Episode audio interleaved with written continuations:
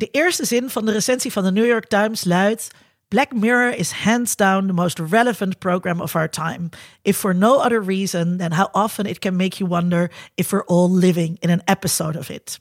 De nabije toekomst is een duistere volgens de makers van Black Mirror. Ze houden ons een zwarte spiegel voor van wat er kan gebeuren als we niet beter nadenken over de rol van technologie in ons leven.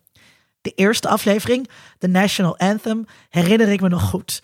Dat was me wat. Ik had nog nooit zoiets gezien. De premier van het Verenigd Koninkrijk moest een varken live op tv neuken om de prinses te redden. En hij doet het nog ook. De aflevering is een scherpe kritiek op het sociale media tijdperk dat we toen pas net hadden betreden. Zulke relevantie is moeilijk vol te houden. We gaan eens kritisch kijken naar die kritische serie. Mijn naam is Linda Duits en dit is Gigi Dingen.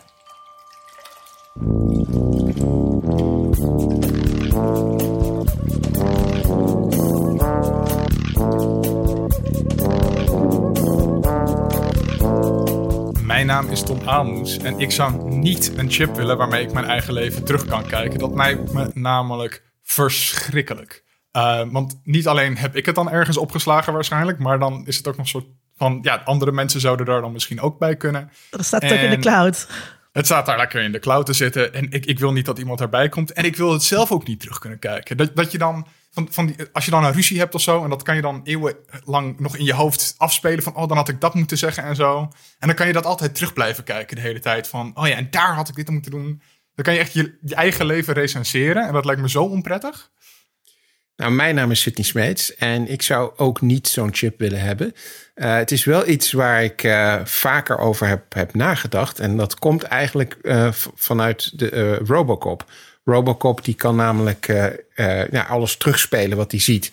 En als je dan in, in sommige situaties bent, dan denk je van nou, het zou toch wel makkelijk zijn als ik even kon terugspoelen wat hier is gebeurd. Maar tegelijkertijd um, werkt zoiets natuurlijk alleen maar als iedereen dat kan. En als iedereen ook toegang tot die beelden uh, heeft. Dat is een beetje het probleem van die bodycam van de politie.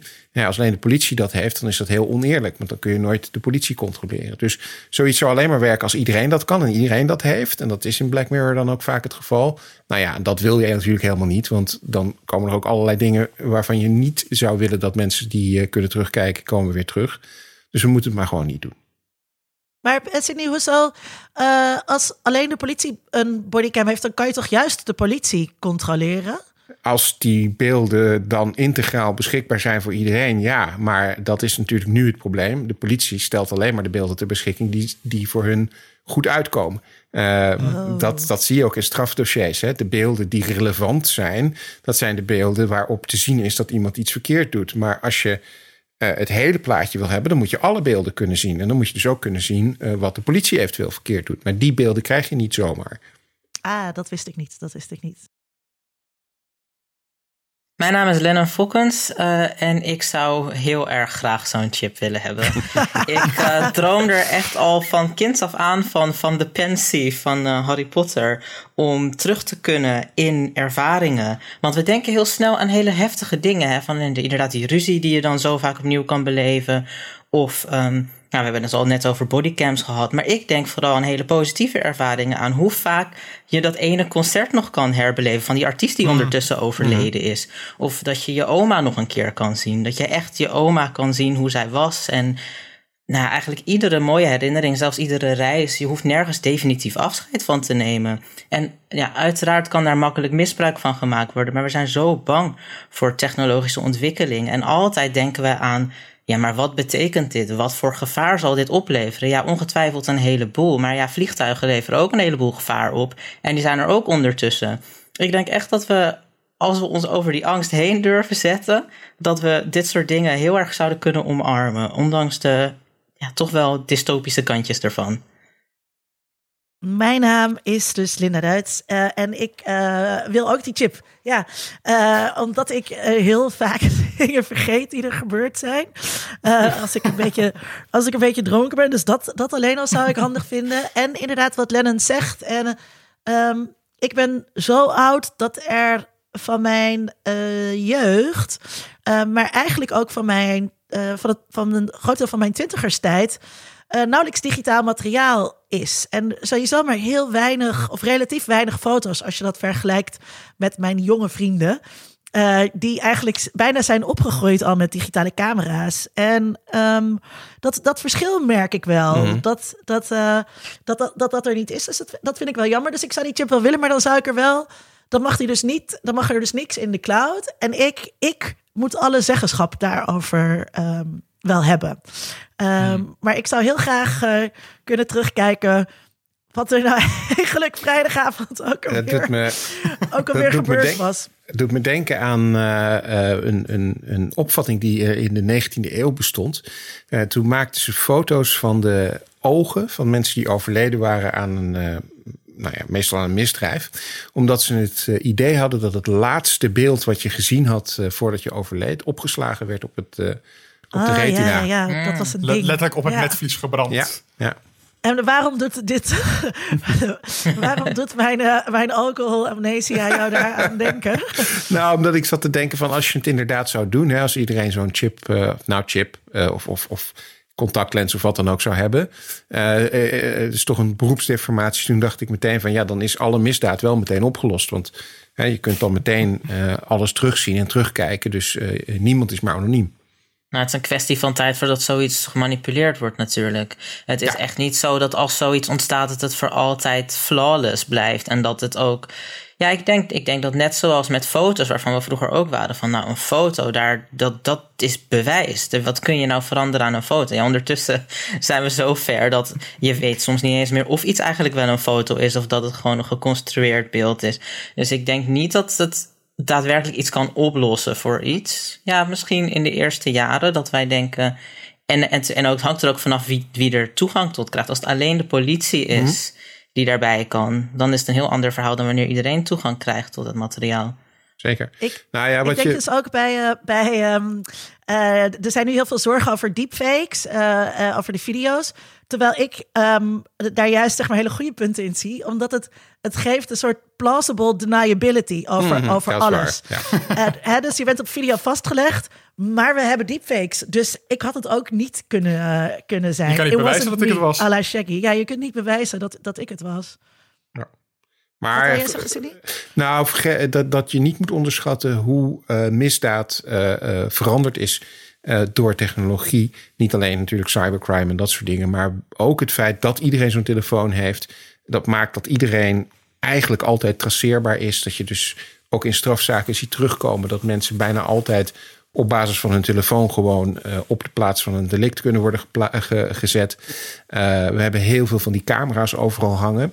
Dus ja, als je dat soort technologie krijgt, dan wordt die uiteindelijk ook uh, in, in, het strafrecht toegepast. En omgekeerd ongetwijfeld ook door mensen die er nou, wat kwaads mee in de zin hebben.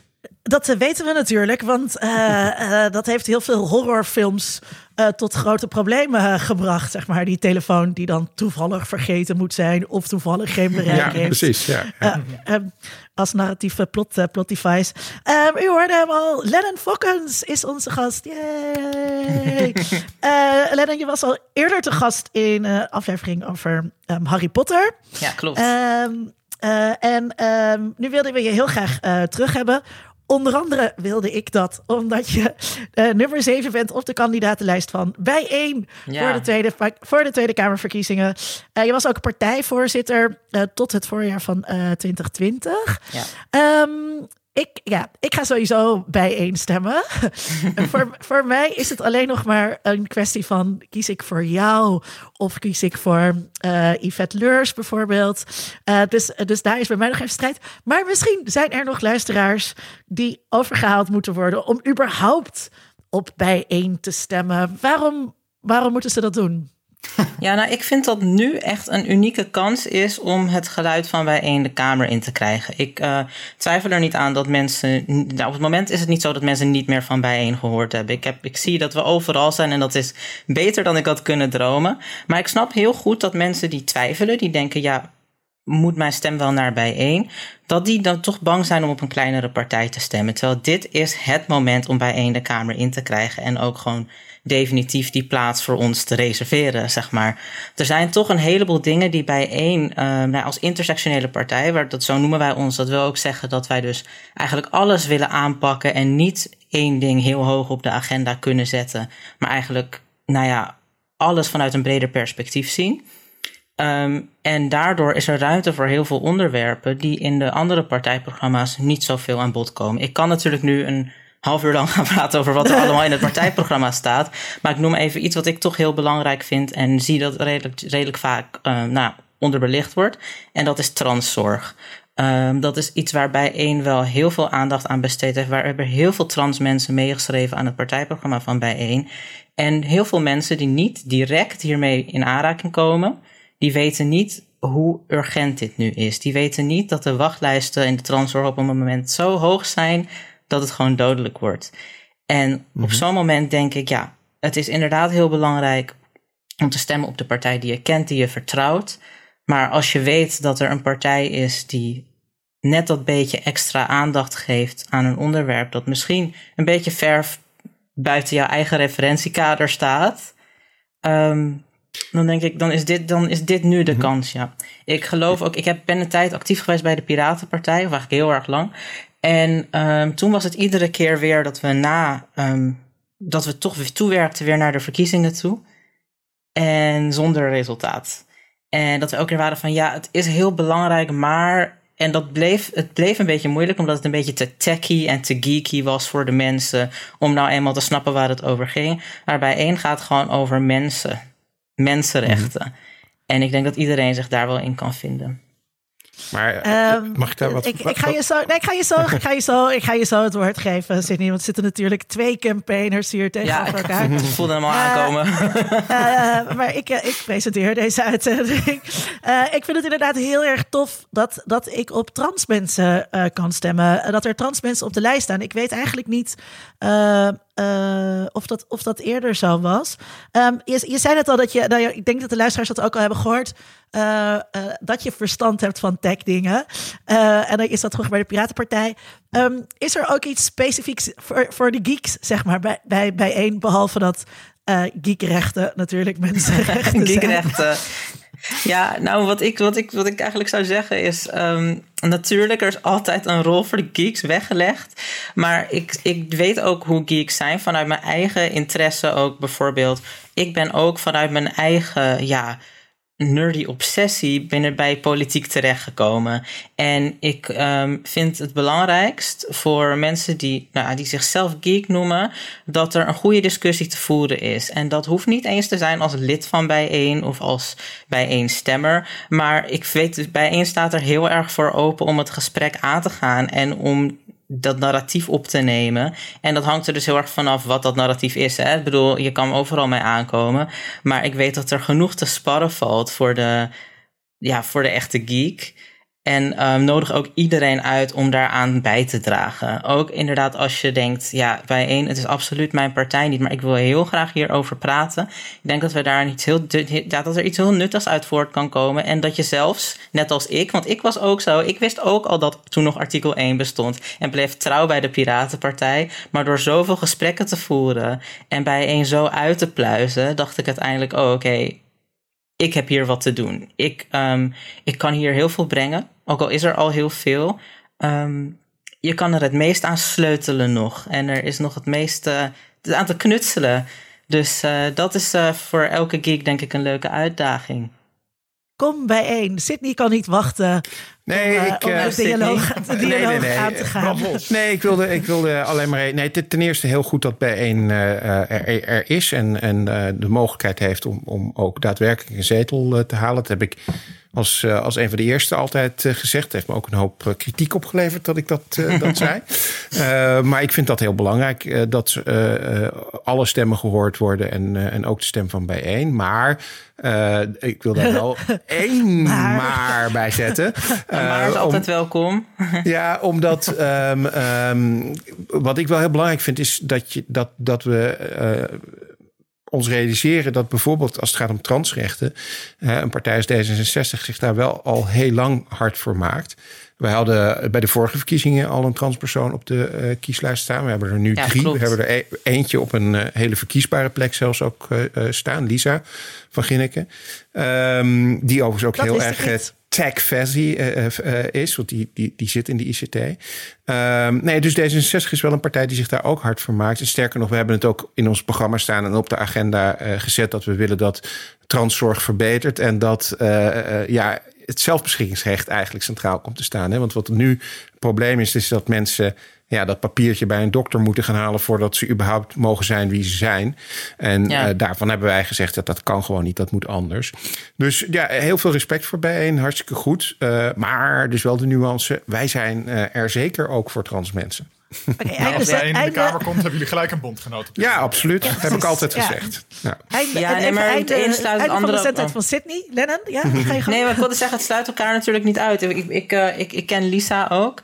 En ik weet ook dat D66 nou niet een van de partijen is waar, ik, waar, het, waar wat, wat transzorg betreft de strijd het hardst gevoerd moet worden. Want er zijn een heleboel partijen in Nederland die dit absoluut niet in hun partijprogramma zouden opnemen. Die er niet eens over zouden praten. En ik bedoel, het is, heel, het is heel bizar, maar soms vergeet ik zelfs dat. Kijk, dit, dit is dan voor mij dan een strijd. Dan denk ik, transzorg is heel belangrijk. En dan vergeet ik helemaal hoe belangrijk het is dat er bijvoorbeeld ook nog eens ge, nage, of in elk geval gesproken wordt over de partijen in Nederland die überhaupt weigeren om vrouwen op de lijst te zetten. Ja. Ik heb laatst de lijst van de SGP. Ik, vind, ik heb zelfs het programma gelezen. Ik weet niet waarom. Het was heel laat. Ik had niks te doen. Ik dacht, hé, hey, ga eens even kijken. En als je, nou, als je zin hebt om echt een lijst van heel veel witte mannen te zien, dan moet je die van de SGP maar eens even bekijken. En dan, dat zet alles ook wel even in perspectief. Dan, zeker als je dan, uh, nou, de lijst van bijeen heb ik dan, uh, daar, daar refereer ik dan aan. Um, die overigens echt heel erg mooi gekleurd is. Ik ben, uh, ik ben zo trots. Want ik ben niet betrokken geweest bij het, uh, bij het proces van de. Want ik ben natuurlijk zelf kandidaat. Dus ik ben niet betrokken geweest bij het uh, proces van de kiescommissie. Maar ik had echt niet mooier kunnen dromen. Ik heb, er, er staan zoveel verschillende mensen op de lijst. We hebben dus. Um, als overal waar we over praten, is erin meegenomen. Ik vind het belangrijk dat we dus bijvoorbeeld... We praten over sekswerk, we hebben sekswerker op de lijst. We praten over um, mensen van kleur. Nou ik wil zeggen, we hebben mensen van kleur op de lijst. Dus de meerderheid van de mensen is natuurlijk van kleur op de lijst. En uh, inderdaad, trans mensen en alle intersecties die normaal gezien worden als van... Ja, het is belangrijk, laten we het daarover hebben. Zijn allemaal vertegenwoordigd. En ik heb... Uh, ik vind dat we echt een hele mooie lijst hebben. En ik zou zelf ook niet weten op wie ik moest stemmen als ik niet stiekem al wist dat dat Rebecca Timmer ging worden. ah, niet Nou, niet ik op jezelf. Een paar debatjes Nee, met Rebecca gevoerd en dat, uh, dat is altijd heel gezellig. Rebecca is Ehm, eh, eh, ik denk dat. eh, nou hey, hier, dit is dan het moment, zeg maar, waar je dan als gespreksleider zegt dat iedereen vooral zichzelf moet informeren. Ik denk dat dat heel erg belangrijk is dat je dat als luisteraar doet. En dat je dan vervolgens op een partij stemt, zoals bijeen. Of D66. Zie je, ik liet de ruimte zitten. Ik liet de ruimte en je pakte hem. Hartstikke goed. Um, uh, we gaan even terugblikken wat we uh, zoal hebben gegamed, gelezen uh, en gezien in de afgelopen tijd. Tom. Ik uh, heb met een collega laatst voor het eerst wat Jackie Chan films gekeken. Uh, precies zijn Project A en Police Story. En ik had altijd wel weet je, video's voorbij zien komen. En ik wist wel van ja, Jackie Chan doet hele toffe actiedingen. En hij, hij is echt een meester van dat vak. Maar ik had nooit een hele film van hem gezien. En nu heb ik er twee achter elkaar gekeken en ben ik echt heel erg fan en kan ik niet wachten om meer te zien. Maar wat bezielde je om aan dit project te beginnen? uh, ik doe met een collega uh, één keer in de maand uh, kiezen we op één thema twee films uit en die gaan we dan gewoon kijken.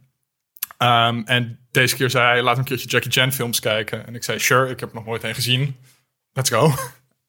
dus vandaar dat we erop zijn gekomen. En wat was de grootste verrassing? Want je kijkt nu zo wel van dat het een inzicht is dat je hebt gekregen.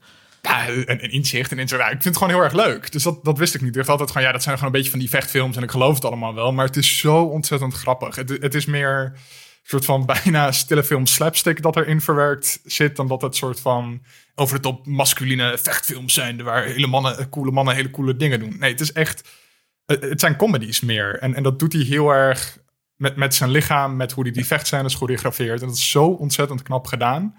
En tegelijkertijd gebeuren er zulke knappe stunts op het Mhm. scherm. Dat je, je gewoon... Hij doet het allemaal helft, zelf, hè? eh, allemaal zelf. En je zit gewoon met open mond te kijken. Gewoon vechtscènes van een half uur en ze duren maar en ze duren maar. Eh, en normaal vind ik dat heel saai, bijvoorbeeld bij Marvel films. Maar nu zit je gewoon gebiologeerd te kijken van... Hoe, hoe, hoe kan je dit je eigen lichaam aandoen? Ehm, er zitten ook stunts in waarvan je dan achteraf leest van... oh ja, toen was hij inderdaad gewond geraakt. Dat ging inderdaad niet goed. Eh, zoals in Project A valt hij op een gegeven moment van een kerktoren af. En het idee was dat hij dan door allemaal eh, eh, eh, doeken heen zou vallen... en dat zou zijn val dan breken. Maar daar stuitte hij dan op een gegeven moment vanaf. En toen heeft hij zijn ribben gebroken. Ehm, ja. Maar het ziet er nog steeds echt hè? spectaculair uit. Ja. Eh, Hij, Ja, dus hij, is hij, hij is ietsjes eh, in mijn achting gedaald... omdat hij eh, niet zo goed omgaat met zijn eh, dochter die lesbisch is. Maar verder op zich wel oh, hele dat goede, hele goede Oh, films. sorry, ja. Daar heb ik inderdaad wel eens wat van gehoord. Wat is, wat, eh, wat is het verhaal precies? Nou, zij is... ja, volgens mij heeft hij haar gewoon min of meer...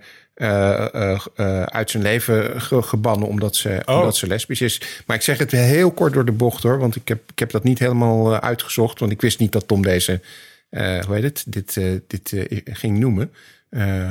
Maar het- dat is dan ook ook, weer iets voor de luisteraar om, om er zelf eens even je in te verdiepen hoe dat nou zit. Ja. Ehm, ja, dus dat heb ik gekeken. En blijkbaar houdt mijn, mijn fanschap van Jackie Chan op dit punt op. nou, zo erg hoeft het ook niet. Misschien heeft hij zich wel onlangs er geëxcuseerd, joh. Dat weet ik niet. Ehm, en ik heb ook de, de fout gemaakt om voor eh, de Nintendo Switch eh, een game te downloaden die ik eigenlijk al eh, heel veel gespeeld heb. Eh, Stardew Valley. Linda heeft die volgens mij ook wel eens een keertje genoemd. Eh, dat- Ik zag, je, ik zag je ding voorbij komen. Echt zo, oh nee, niet mij weer hier opnieuw hier meesleuren. Eh, ik zal mijn best doen om het niet te doen. Maar het is gewoon zo fijn. Je bent een boer en je hebt een boerderij. En dat is de game. Nee, nee, nee, nee, nee, nee. Het is Nee. niet om. Het is. Ik, ik uh, voor, voor onder media doctor, voor onder media doctoren, Eh, de andere podcast, uh, gingen we Willem Schinkel en Rogier van Rekem interviewen over theorie van de kraal. Oh, en, ja. Um, en ja, dat, is wel heel erg de kraal, ja. Dat was wel heel erg, ja, echt de definitieve afkick. Dus misschien moet je die aflevering nog een, nog keer, een keer luisteren, luisteren om weer uit, eruit te komen. Maar ja, maar het is gewoon, het is zo leuk. Verpest ja. ik nou niet ook? Ik kom hier met leuke dingen om te delen met jullie en jullie. Maar het is wel bewust dat je gewoon. Het is belangrijk dat je je bewust bent van wat het neoliberalisme je allemaal aandoet. En wil je ja. in dat soort. door populaire ja. cultuur. in dit soort kapitalistische onderdanigheid gezogen wordt. Ja. Ik zeg halveer, halveer de veestapel in Stardew Valley. het ergste is, ik, had dus, ik, ik wist dus dat we aan het begin even vertellen wat we de laatste tijd allemaal gedaan hebben. En ik heb sinds vorige week, ik, had, ik deelde een Switch met mijn partner. En ik heb sinds hmm. vorige week ook een eigen Switch. En het eerste wat ik gedownload heb is Stardew Valley. Ah. Dus ik had zoiets van, wat zal ik eens vertellen wat ik de laatste tijd gedaan heb? Oh, nou, ik wilde dus over Stardew Valley gaan beginnen. Maar vertel, vertel. Hoe ja, gaat het met je meloenen?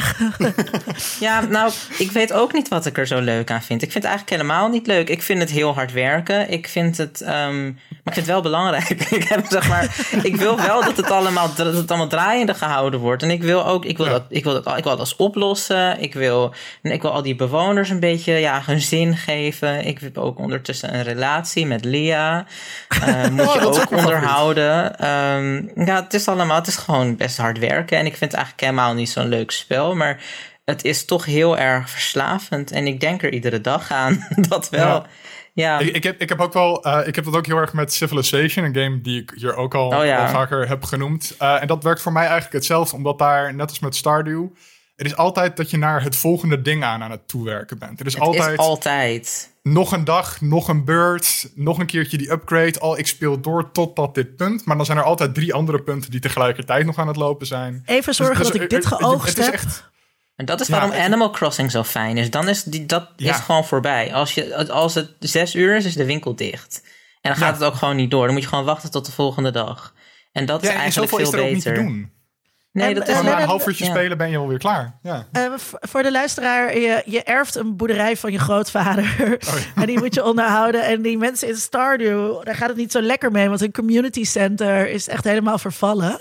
Eh, dus dat is ook een van de dingen die je op moet lossen. Lennon, heb je dan ook het idee dat je iets voor de mensen van Stardew Valley doet? Dat je een soort plicht hebt naar hen toe? Nee, want ze zijn het heel snel weer vergeten als je niks doet. Ze hebben het er nooit meer over. Ze zijn wel heel blij als het gebeurt. Maar als je het gewoon een jaar zo laat staan, want een jaar gaat snel voorbij in Stardew Valley, dan, eh, nou, dan vinden ze niet erg. Dus ik, eh, maar ik vind het wel heel erg als iemand tegen me zegt: Als jij voor mij een forel kan vangen en dan vanavond bij me komt eten, dan hebben we een feestje. En dat ik dan die forel maar gewoon niet kan vangen. En dat ik, Ja. dan heb ik het idee dat ze om zeven uur de afgesproken tijd op me zitten te wachten. Wat natuurlijk niet zo is. Dat vind ik heel erg.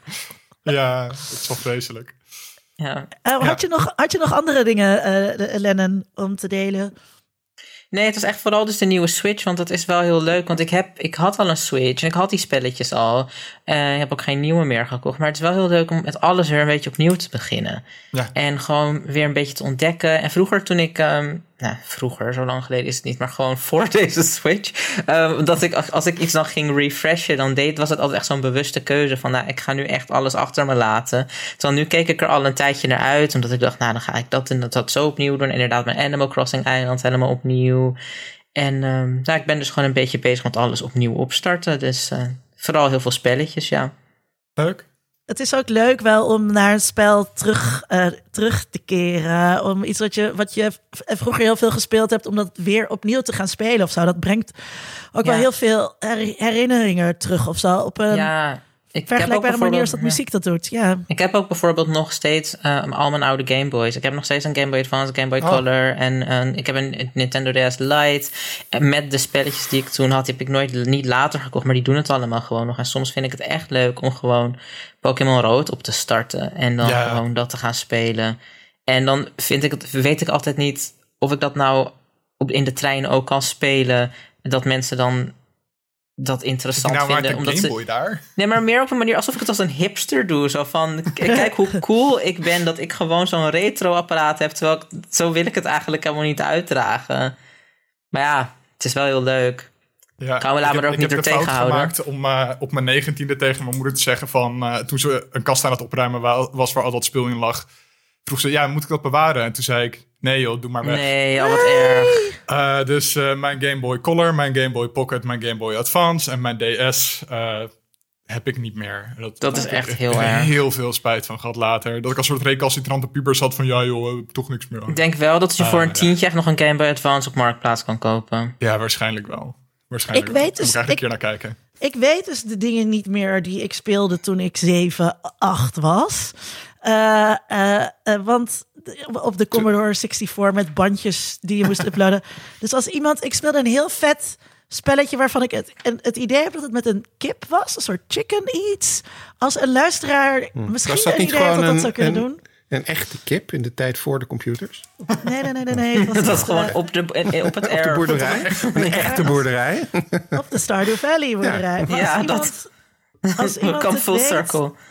Als iemand het weet, dan eh, hoor ik het graag. eh, zodat, ik, zodat ik daar dan misschien een filmpje van terug kan Je hebt zo'n hele goede subreddit waar je dit soort vragen kan stellen. Dan kun je het heel Ja. vaag omschrijven en dan weten mensen het meteen.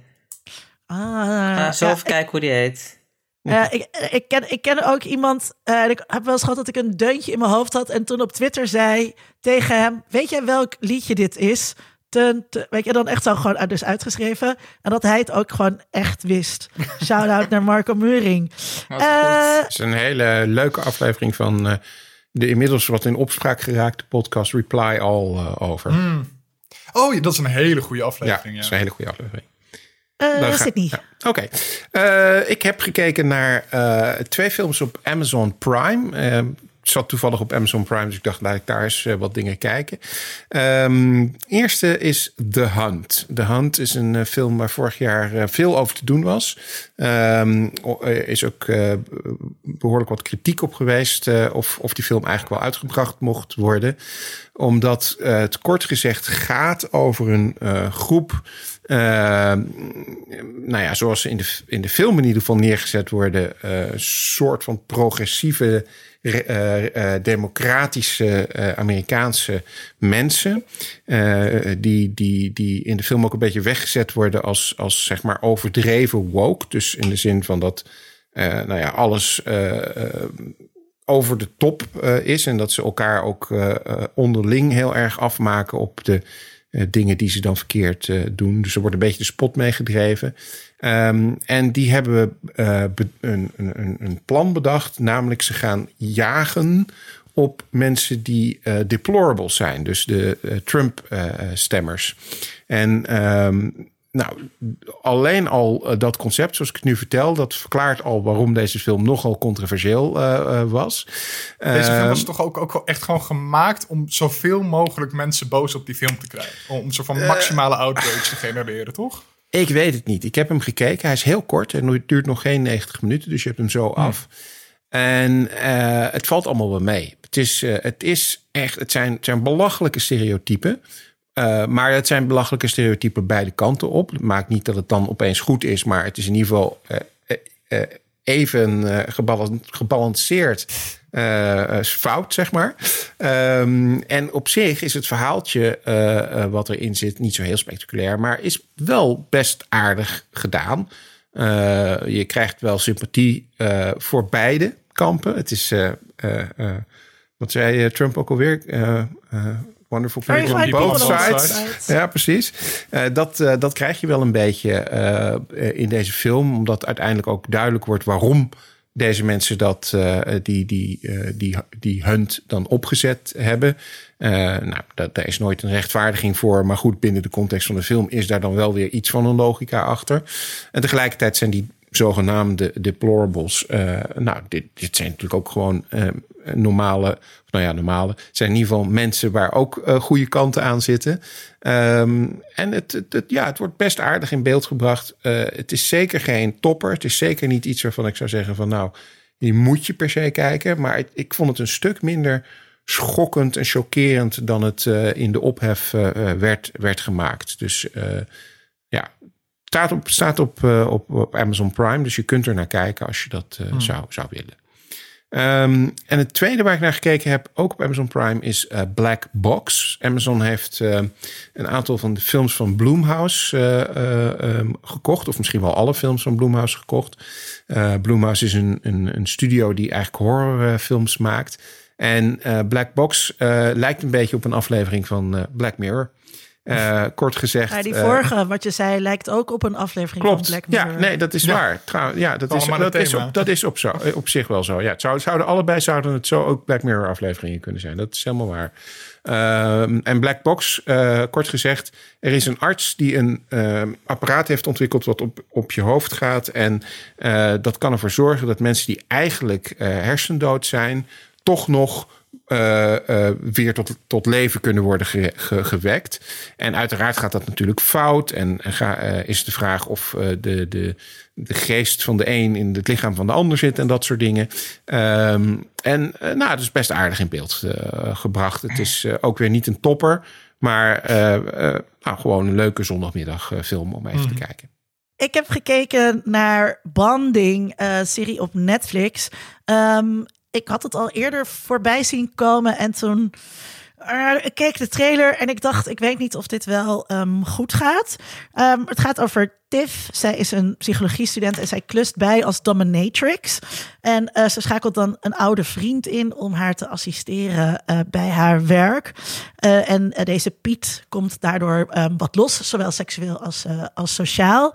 En ik dacht dus eerst dat het BDSM belachelijk zou maken. Of dat daar uh, dat, dat, dat, dat BDSM en de scene en BDSM'ers de butt of the joke zouden zijn.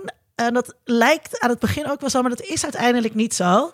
Um, en uh, er zijn twee seizoenen en ik vond het best wel leuk uiteindelijk om, om te kijken. Het, ja, het is sekspositief. Um, het is queer. Het is grappig. en heel eigentijds eigenlijk ook. Dus als je van seks houdt en lachen, dan moet je dit kijken. Ehm, daarnaast heb ik gekeken naar The Romantics and Us. Uh, dit was een tip van uh, Lars, LRS op Twitter, vriend van de show.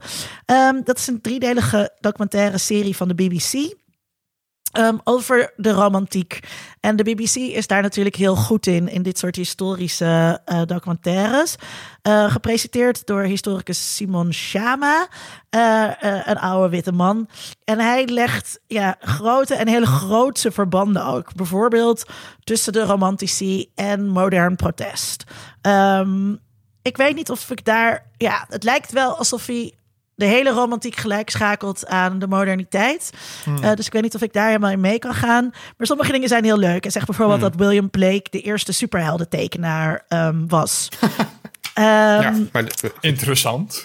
Dit, dit, dit klinkt heel erg uh, Simon Sharma-achtig, want dat is precies wat hij, uh, wat hij ook deed in The Embarrassment of Riches en alle andere boeken die hij geschreven heeft.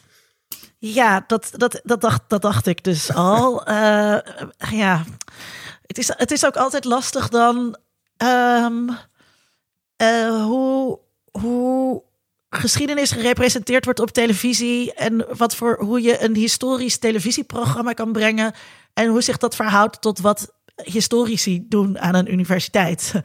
Mm, ja. uh, nou, hij doet het. Ik vind wel dat hij dat uh, in die zin heel goed doet.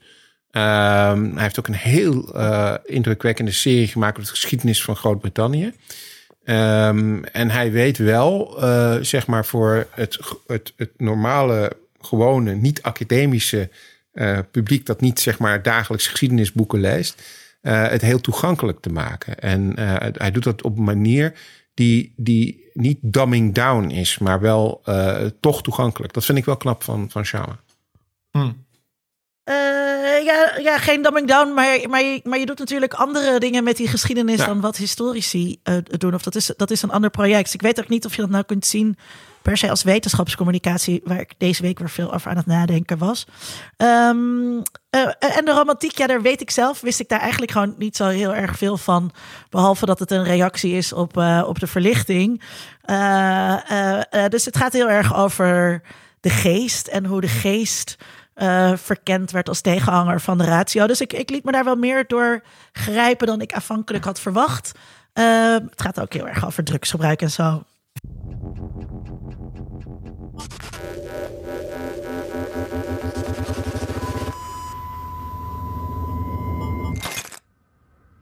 Black Mirror, uh, spraakmakende serie natuurlijk. Veel geroemd, met prijzen overladen.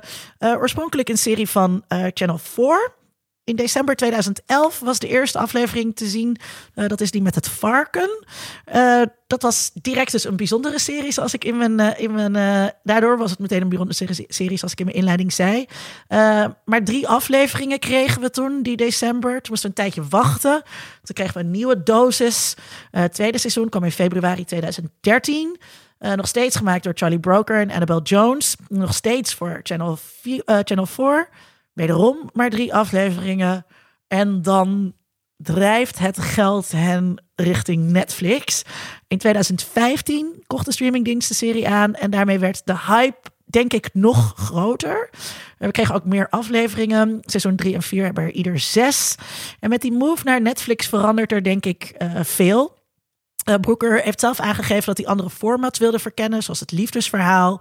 Ik quote hier van Wikipedia: Making the new series more digestible for the viewer. Nou ja, daar kan je alleen daar al kan je denk ik er veel over zeggen. Um, om te beginnen. Gesproken. Ja, ja, dat ja. Over, oh, dan ben ik daar Ja. Uh, om te beginnen, um, wanneer, wanneer zagen jullie. Lennon, laat ik bij jou beginnen. Wanneer zag je dit uh, voor het eerst? Wat was jouw kijkervaring? Ja, het is heel grappig. Ik uh, was, ik, ik, ik was s'avonds laat tv aan het kijken, gewoon NPO 3. Um, het was net nieuwsuur geweest. En toen was er een preview voor iets wat kwam. Black Mirror heette het. En um, uh, het zag er heel raar uit. Er, in, het, in het hele, ze een soort heel korte teaser. En daarin zag je alle belangrijke dingen al, inclusief de premier die zijn broek naar beneden doet om het varken in te gaan. En ik dacht, wacht even, dit moet ik zien. en ik was dus heel geboeid, heb, heb gewacht. Ik dacht dat het een film was. Hebben ook nergens gezegd dat het een serie was of waar het vandaan kwam. Gewoon Black Mirror straks En dat is dit. Dus nou, ik was uh, heel erg onder de indruk. Ik, gewoon omdat ik het zo bizar vond. En het is heel, het is heel Engels. En ik heb altijd wat met Engeland gehad. En ook, um, ja, het, alles klopte. Zelfs de, de, de, de manier waarop ze zo heel lullig het nieuws brachten en zo. Het was daardoor een soort real life, hoe noem je dat? Real life simulation. Hoe heet zo'n ding? Um, ARG. Alternate reality game. En um, het was had een beetje iets weg van een soort War of the Worlds-achtig.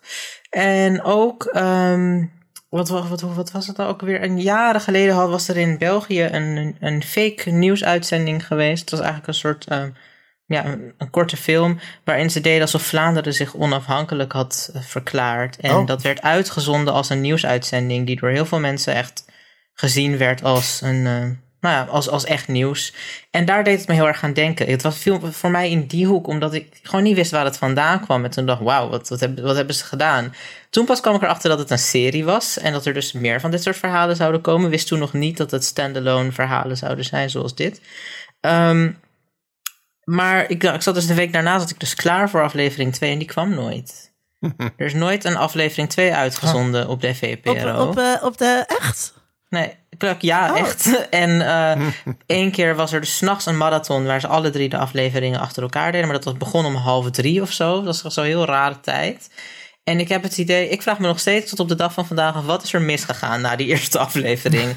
Waardoor is dat zo opeens verdwenen? Maar ja, ik ben het natuurlijk nooit vergeten. Zeker door dit rare afscheid opeens. Um, ben ik het nooit vergeten. En heb, heb denk, denk dat het wel zeker een aantal maanden later was dat ik pas de rest heb gekeken. Dat je dat op bent gaan zoeken? Ja, maar ik heb, ik heb toen trouwens nog een dvd ervan moeten bestellen. Inderdaad, van Channel 4. Wow. Ja, het hm. uh, was uh, nog niet echt makkelijk te vinden op internet. Het was wel heel populair hoor. Dus het was niet uit een van de niche serie. Maar het was gewoon niet... Uh, ja, het stond niet op Netflix. Het was niet zomaar te downloaden. Het was net na de tijd van de, van de Pirate Bay, zeg maar. Hm. Um, dus daar, daar heb ik, toen heb ik er een dvd van besteld, inderdaad. Ja, en toen de hele serie gekeken. Ja, maar dat, dat, hoe dat zo toen voor de eerste keer zo op tv kwam, dat zal me altijd bijblijven, hoe raar dat was. Dat was wel, eh, dat was nogal dat wat. Kan ik, dat kan ik me voorstellen. Sydney? Ik heb het pas voor het eerst gezien toen het op Netflix uh, kwam. Uh, oh. Ja, nee, daarvoor had ik het niet op mijn radar. Of althans had ik er misschien wel van gehoord, maar niet echt me erin verdiept. En toen het op Netflix kwam, toen ben ik wel alles gaan, gaan kijken. Ook die eerste. Toen ben je alles terug gaan kijken. Alles terug gaan kijken. Um, en uh, nou ja, zeker die eerste twee seizoenen die zijn uh, heel goed, vind ik. Um, en de kerstspecial overigens. Um, ja, de kerstspecial wordt heel vaak vergeten, maar is echt heel ja. goed. Ja, en, en zeker ook omdat uh, ik hou heel erg van als dingen toch een klein beetje verband met elkaar houden. en die kerstspecial is, is in die zin erg grappig, omdat het een, een, een op zichzelf staande goede aflevering is, waar echt drie verhalen in zitten die heel erg op elkaar aansluiten en daardoor een goed verhaal vormen. En tegelijkertijd worden er heel veel uh, callbacks gedaan naar eerdere afleveringen die geweest zijn. Die zitten, er, die zitten erin. Waardoor het toch een soort van ja, een soort van wereld wordt waar je in, uh, in uh, terechtkomt. Dat vind, vind ik wel leuk, uh, leuk gedaan. Um, en daarna de afleveringen op, op, op Netflix ook gekeken. En nou, zeker het eerste maar heb je alles achter elkaar gekeken? Heb je toen gebinged? Ja, nou ja, ja, ja. Toen ben ik alles gewoon gaan kijken, ja. Ja, want ik denk dat dat dus wel uitmaakt ook. Um, Ik vond, ik vond het zelf namelijk heel lastig om dit te bingen. Hmm. Uh, en uh, dus als ik even voor mag dringen. volgens mij, ik nou. denk zelfs dat ik misschien toen ook wel als op, op aanraden van Lars dit heb gekeken. Want die volgde ik toen al dikke, dikke tijd op Twitter. En het is wel echt een Lars dingetje. Lars, laat dat even weten. Um, en um, ja, ik was dus heel erg onder de indruk van die eerste aflevering. En toen heb ik gewoon de week daarna de tweede gekeken. En de week daarna uh, de derde. En um, uh, ja, ik vond het heel bijzonder dat dat was. En, en uh, mediakritiek op deze manier heel bijzonder. En echt een hele diepe indruk maakt het. Niet alle afleveringen evenzeer, maar toch wel.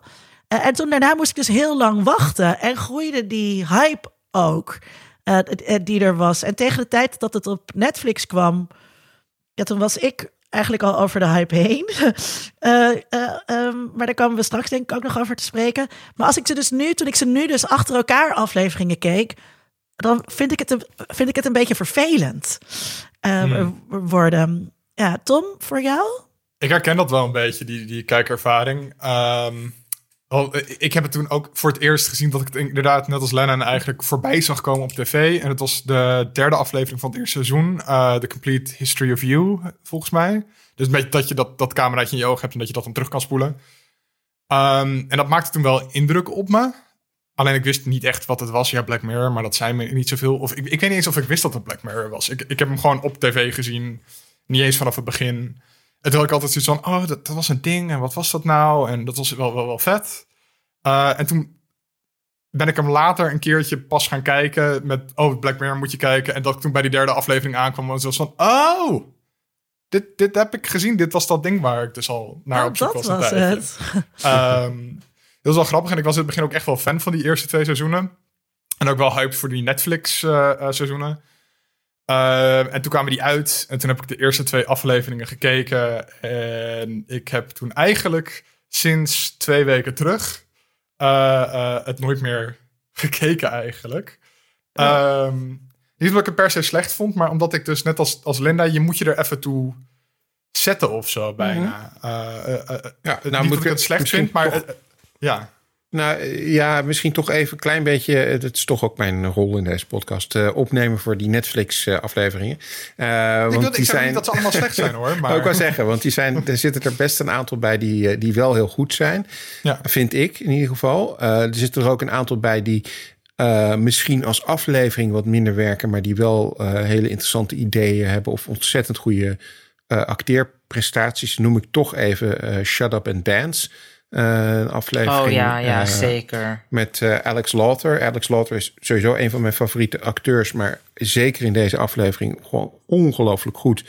En ook een, een aflevering, nogmaals, die misschien niet op alle vlakken werkt. En de morele boodschap van de aflevering kun je ook wel wat bedenkingen bij hebben, maar die wel hele interessante. Um, even hoor, voor de, voor de luisteraars. Misschien denk ik handig als we in plaats van. Zeggen waar die als over we gaat. naast. Ja. Ja, zeg even waar die over gaat. Want de titels, uh, ja, Shut Up and Dance is de aflevering uh, waarin uh, de mail die we allemaal wel een keer gehad hebben, waarin staat: Ik heb je camera gehackt en ik heb gefilmd wat je aan het doen bent. Um, en, en nou, voor de meeste mensen, als je zo'n zo'n zo'n zo'n mail krijgt, dan weet je dat het fake is. En dan vragen ze om zoveel geld. Maar in deze aflevering blijkt het echt te zijn. En, en weten de mensen die die camera's gehackt hebben. Um, de mensen uh, die daar het slachtoffer van geworden zijn, uh, over te halen om hele extreme dingen uh, te doen.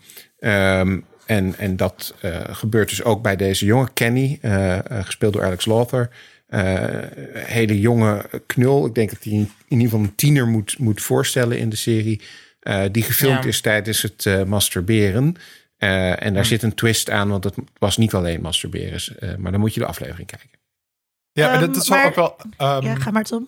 Uh, uh, waarom het me op een gegeven moment dat ik er niet meer zo makkelijk in kwam of zo. Zelfs al vond ik sommige dingen nog wel goed, is dat dat uh, Black Mirror ga, ging wel heel erg voor namens een template. Er was een ideetje.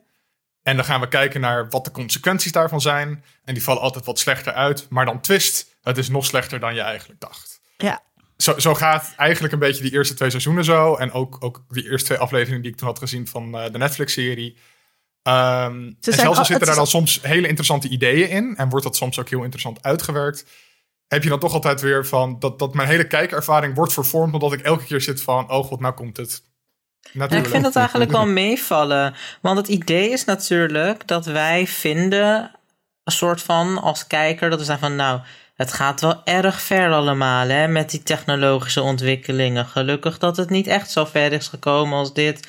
Terwijl ik denk niet dat dat echt de boodschap is die je van heel veel van die afleveringen kan per se moet meenemen. Heel veel gaat daar niet over. Het is echt de, die rapid technology, of de ontwikkeling daarvan, is eigenlijk meer de backdrop die gebruikt wordt om verhalen mee te vertellen, heb ik het idee. Mm-hmm. Ik denk dat heel veel van dit soort verhalen prima hadden gewerkt als die technologie er niet was. Dat dat dan nog steeds had gewerkt.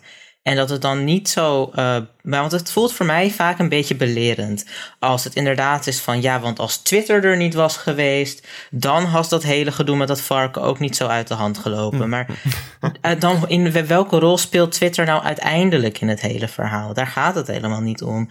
Dus ik vind het wel. Voor mezelf vind ik het fijn om dat een beetje van elkaar los te koppelen. Hmm. Ook omdat een aantal afleveringen daardoor gewoon een stuk interessanter worden.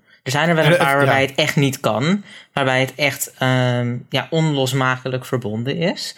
Maar heel vaak gaat het toch gewoon over bijvoorbeeld heel erg ja, menselijke emoties en pijn en verdriet en verlies. Um, en dan kan je daar inderdaad technologie bij bedenken, waardoor dat een interessante twist krijgt. Maar ik vind in bijvoorbeeld de aflevering Be Right Back, waar een vrouw haar, ja, haar, haar man verliest en um, alles eraan doet om hem terug te krijgen tot in het meest extreme, nou, ooit, kan ik wel zeggen. Ja. Um, dat is natuurlijk eigenlijk gewoon een uit de hand gelopen droom. En dat is iets wat heel erg lijkt. Ik ga het een beetje spoilen voor de mensen die het nog niet gezien hebben. Je mag, eh, je mag spoilen. Wij, wij gaan altijd uit van spoilers. Ja, ja nou ja, tot, ik, wie, wie weet het niet. Maar um, dat lijkt heel erg op Step, Stepford Wives in mijn hoofd. Iets wat, een, wat al, wat in principe, als je er iets langer over nadenkt, is Stepford Wives wel de Black Mirror aflevering van de jaren zeventig. Mm Maar um, dat is wel inderdaad, hoe creëer ik de ideale versie van de persoon waar ik van hou, die ik belangrijk vind, die ik bij me wil hebben, zonder dat het die persoon is. En dan, als je inderdaad ziet hoe, hoe oud zo'n verhaal kan zijn en hoe lang dat ook ja, houdbaar blijft, dat zou, zou je over 50 jaar opnieuw kunnen schrijven. Dan vraag ik me af of het inderdaad elke keer in dat ja, template gegoten is als we dit, of het hetzelfde is als we denken. Ja, ik, ik, denk dus ik, ik heb met die ehm, aflevering. Ja. Oh, ja, Linda.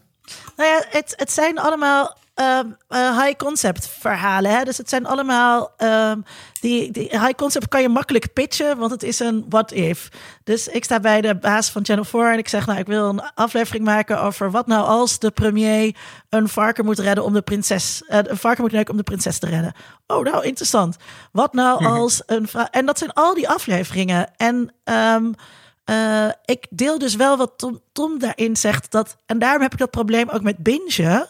Um, op het moment dat je dat achter elkaar gaat zien en je herkent dat format, dan verliest de serie dus de kracht die er zit in het vertellen van dat soort what-if verhalen of ons daarover na te laten denken.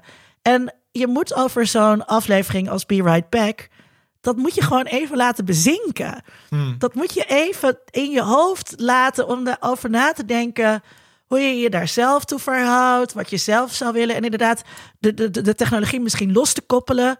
En dat kan niet als je ondertussen weer door bent hm. naar, de, naar, het volgende, naar het verhaal. Volgende verhaal. ja. Ja, misschien is deze serie daar ook niet voor gemaakt. Misschien moet je hem ook eigenlijk kijken zoals um, hoe de VPRO van plan was dat te doen. Dat er één keer in de week eentje is. En dan is het, als je het inderdaad afwisselt met een heleboel andere dingen, is het misschien wel heel erg iets om naar uit te kijken. Van, oh, dan weer zo'n spannend verhaal van... En wat zal er nu weer, wat zal er nu weer spelen? Iets, iets uit de toekomst wat we niet kennen. Ja, dat, dat misschien dat dat dan... Uh... Ja, ik vind trouwens wel... Um, dat ook als je heel goed wel weet wat er op je, ja, wat je kan verwachten, dat de verrassingen soms nog wel, som, nog wel vrij groot kunnen zijn. Ik weet nog in de um, San, San Junipero aflevering. Mhm. Ja. Wist ik heel goed. Ik moet opletten. Er gebeurt natuurlijk nu iets wat ik. Even ehm, voor de, voor de luisteraars. De San Junipero is de aflevering uh, waarin we uh, in de jaren 80 zijn, in de jaren 90 zijn. Twee meisjes worden verliefd op elkaar. Ja, precies. Ik wilde eigenlijk dat nog, niet, even, nog niet zeggen. Oh, omdat ik dus dacht, omdat ik dus aan het kijken was. En er niet tegen kon dat ik niet wist wat ze bedoelde. Dat ik wist dat er mm. een of ander groot ding gaande was. En dat ik mezelf niet slim genoeg vond om het alvast uit te zoeken voordat dat programma dat voor mij had gedaan. Dus toen ze zeiden, oh, ze zal wel in 2000 zitten, op het moment dat de, de rest van de, van de begin van de aflevering zich afspeelde in de jaren 80, dacht ik, mhm. pardon, dit gaat voor mij te ver. Ik wil dat jullie mij eerst uitleggen hoe dit kan. en toen vond ik het geen fijne kijkervaring. Ik ja, wilde, dat had ik ook heel erg met die aflevering, ja. Ja, ik wilde dat van tevoren weten. Ik vond het namelijk een heel mooi romantisch verhaal, dat zeker. Um, maar ik, ik kon het niet hebben. En toen vond ik het niet meer leuk. Toen dacht ik, ja, ik wil. Ik wil, ik, wil verra- ik wil wel verrast worden, maar ik wil verrast worden. Ik wil amazed zijn. Ik wil niet afwachten. Het, het, was, het voelde een beetje voor mij ook als, als een twist om de twist. Ehm, ja, dus dat, dat, was, dat vond ik niet prettig, omdat ik dus inderdaad echt aan het jagen was op van in de aflevering van, oké, maar waar zit het hem dan in? Wat, wat is hier de Black Mirror what if? Want dit is anders een gewoon een verhaal van Ja, een meisje dat. dat, dat in, in, in een club of zo. Ja, vertel het Ah, ons eventjes. Ja. Ja, Maar ik vind dus. ehm, eh, ik keek net eh, voordat we dit gingen opnemen, herkeek ik eh, White Bear eh, eh, uit, eh, uit het ehm, Eerste seizoen, eh, toch? Eerste, eerste seizoen Tweede, volgens mij. volgens mij. Eh, tweede seizoen, sorry. Tweede Ja. seizoen, tweede aflevering. Ja, gaat over eh, een vrouw die wakker wordt in een huis en ze weet niet wie ze is en waar ze is en wat er aan de hand is. En dan wordt ze achterna gezeten door eh, ja, een soort hunters. En er is allemaal publiek bij dat hij de hele tijd aan het filmen is en dat moet lachen en zo. En ik was alweer vergeten wat er was. Ehm, en, en die vervreemding, dat is wel interessant. Dat je dat als kijker hebt. Eh, en dat je, je probeert dus te puzzelen. En, en eh, toen was ik veel meer vervreemd dan eh, nu. Want nu snap ik die puzzels van Black Mirror veel beter. En ik had er nu ook weer een heleboel gekeken. En toch verraste de puzzel me weer uiteindelijk. Met, met, Ja. wat, wat, met wat het nou was. Ik denk dat dat ook een heel ander soort idee is, omdat dat een soort. Het is sowieso een mystery. Daar is de aflevering echt op gebouwd. Terwijl Ja. die San Junipero is dat niet. Dat is gewoon een. Dat, daar, dat verhaal. Dat werkt ook zonder dat mysterie. Terwijl dit werkt niet, het werkt niet zonder het mysterie. ja ook dat omdat je dat in White Bear veel meer meegaat in, in de verwarring van die vrouw die dus niet weet wat er aan de hand is. En Ja. da- daarmee klopt jouw ervaring als kijker met de ervaring van dat karakter. Terwijl in San Junipero de karakters natuurlijk gewoon precies weten waar ze zijn. En dat Sydney, wordt wat, voor de kijker verborgen. Sydney, wat maakt voor jou iets een goede aflevering van deze serie en wat, wat, wat minder? Ehm, nou, ik hou wel heel erg van de eh, eh, mysterie en, en ehm, technologie twists. Ehm, ik, ik vind het fijn als het heel erg ehm, richting Twilight Zone, eh Outer Limits-achtige eh, sfeer gaat. Daarom vond ik die eh, kerstaflevering ook heel goed, omdat dat allemaal van die twists zijn die je waar je inderdaad zit te denken van waar gaan ze nou heen? En je weet dat het ergens heen gaat en je weet ook wel ongeveer, maar toch komt er dan een twist waarvan je denkt, oh ja, dat had ik toch niet helemaal eh, aanzien komen. Het was Ehm, nog niet gevallen, maar inderdaad, de, de parallellen met de Twilight Zone eh, zijn vrij obvious. We gaan binnenkort een aflevering maken over de Twilight Zone, dus dan gaan we het daar zeker ook nog weer over hebben. Dus dat, eh, dat spreekt mij wel, eh, wel aan in, in de serie. En er zijn ook inderdaad afleveringen die wat minder zijn. Maar tegelijkertijd vind ik het ook wel weer leuk. toen het overging naar Netflix, dat ze eh, eigenlijk met het format in de, eh, dat, dat, dat was ook een van de dingen die ze zeiden. Hè, van we willen het format een beetje uitbreiden en veranderen. Eh, dat ze dat ook zijn gaan doen. Dat je dus ook hele rare afleveringen opeens er tussendoor krijgt. Zoals die eh, aflevering waar ze een soort van eh, Star Trek eh, simulatie terechtkomen. Oh, dat is echt mijn favoriet, die aflevering. Ja, dat, dat, is, dat vond ik ook heel erg leuk. En, en leuk Ja. eh, om iets wat je eigenlijk niet direct ook bij Black Mirror zou verwachten. Omdat het qua sfeer toch wel anders is dan, dan eh, nou ja, zo'n aflevering als. eh, eh, USS Callister. ja, USS. Callister inderdaad. Eh, maar het contrast tussen National Anthem, de eerste met het varken, en USS Callister is heel groot. Ja, het is echt bijna alsof je een andere serie kijkt. Ja, ja. Ja, vond En- je dat vervelend, Lennon? Of ik dat vervelend vond. Nee, ja, dat het nee. bijna een andere serie is geworden. Nee, ik hou er wel van. Ik vind het juist wel leuk dat het altijd een beetje eh, wat anders is. Ik, hou, ik, ik, ik ben juist niet iemand die goed met lange series kan omgaan. Die, ik, ik, ik geef altijd op halverwege de serie. En omdat ik het allemaal. te- ja, het, ik heb het allemaal wel weer een beetje gezien. Er moet echt een grote twist komen. Voor mij wil ik het weer oppakken. Vaak. En met, eh, met Black Mirror is dat natuurlijk altijd een verrassing wat er komt. Maar ik weet nog wel, toen USS Callister, dat was het begin van vierde of vijfde seizoen, ik weet het niet meer. Vierde Maar het was in seizoen, elk geval de eerste van een seizoen. En ik had wel even het idee dat ik niet het goede had aangeklikt. Ik dacht wel van, wat voor Star Trek rip-off is dit? en klopt het dat er Black Mirror bij staat? Maar ja, later, later werd dus duidelijk wat het was. Maar het, het, het, het opent ook echt als een soort van. Ja, inderdaad, een, een Star Trek rip-off. Heel raar. En uh, ook een beetje zo. zo um, ja, ik weet niet. Als je, als je de, ik heb hem denk nog een keertje teruggekeken. Omdat ik dacht. Ik, het, het pakte me sowieso wel, dat begin. Uh, van wat was het nou wat, waardoor ik dit zo vreemd vond? Want ik bedoel, als je, als je alles kan verwachten bij deze serie, moet dit ook niet zo raar meer zijn. Maar ja, toen ik later dus nog een keer goed terugkeek en zag hoe de acteurs die in de serie ook dus de acteurs zijn op dat moment acteerden, dacht ik, ah, je voelt al dat er iets mis is. En ik mm denk dat ik dat, um, dat ik daardoor um, juist wel heel erg excited word van dat soort onverwachte dingen. Tom, zie jij een verschil tussen de Engelse versie en de Amerikaanse versie, om het zo te chargeren? Uh, ja, want je kan het letterlijk zien aan hoe het eruit ziet. Uh, hoe donker of licht het is trouwens. Ja, het maar, kleurgebruik. Maar ook, ja, maar ook, ook, ook, ook echt de budgetten. Dat je dan echt kan zien van... die, die Britse seizoenen zijn wat lager budget. Het is, het is allemaal wat, wat meer lo-fi. alles is wat grijzer, wat, wat Premier of zo. Um, en voelt natuurlijk heel Brits aan in alles. Uh, en die Amerikaanse seizoenen zijn een stuk gelikter, uh, veel soort van professioneler gemaakt, lijkt het bijna. Maar is dat niet ehm, juist fijner? Een hogere production value?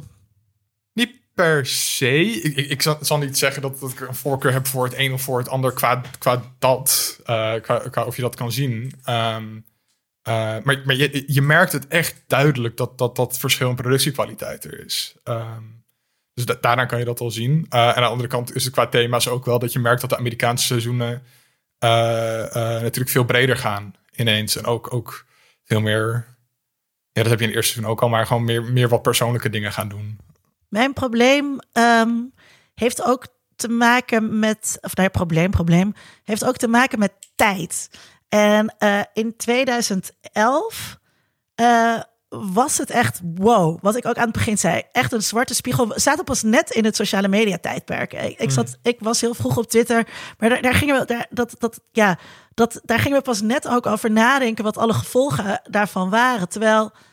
Um, uh, toen die ene die zo bejubeld uh, wordt, die aflevering, um, hoe heet het nou, Nosedive, uh, waarin die vrouw um, alles moet raten.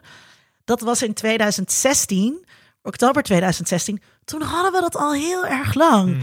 En toen vond ik dus zeg maar de, de, waars, de waarschuwing die ervan uitging minder sterk. En dus ook de voorspellende kracht, zeg maar, die ik, die ik, die ik zo bewonderde in die eerste afleveringen.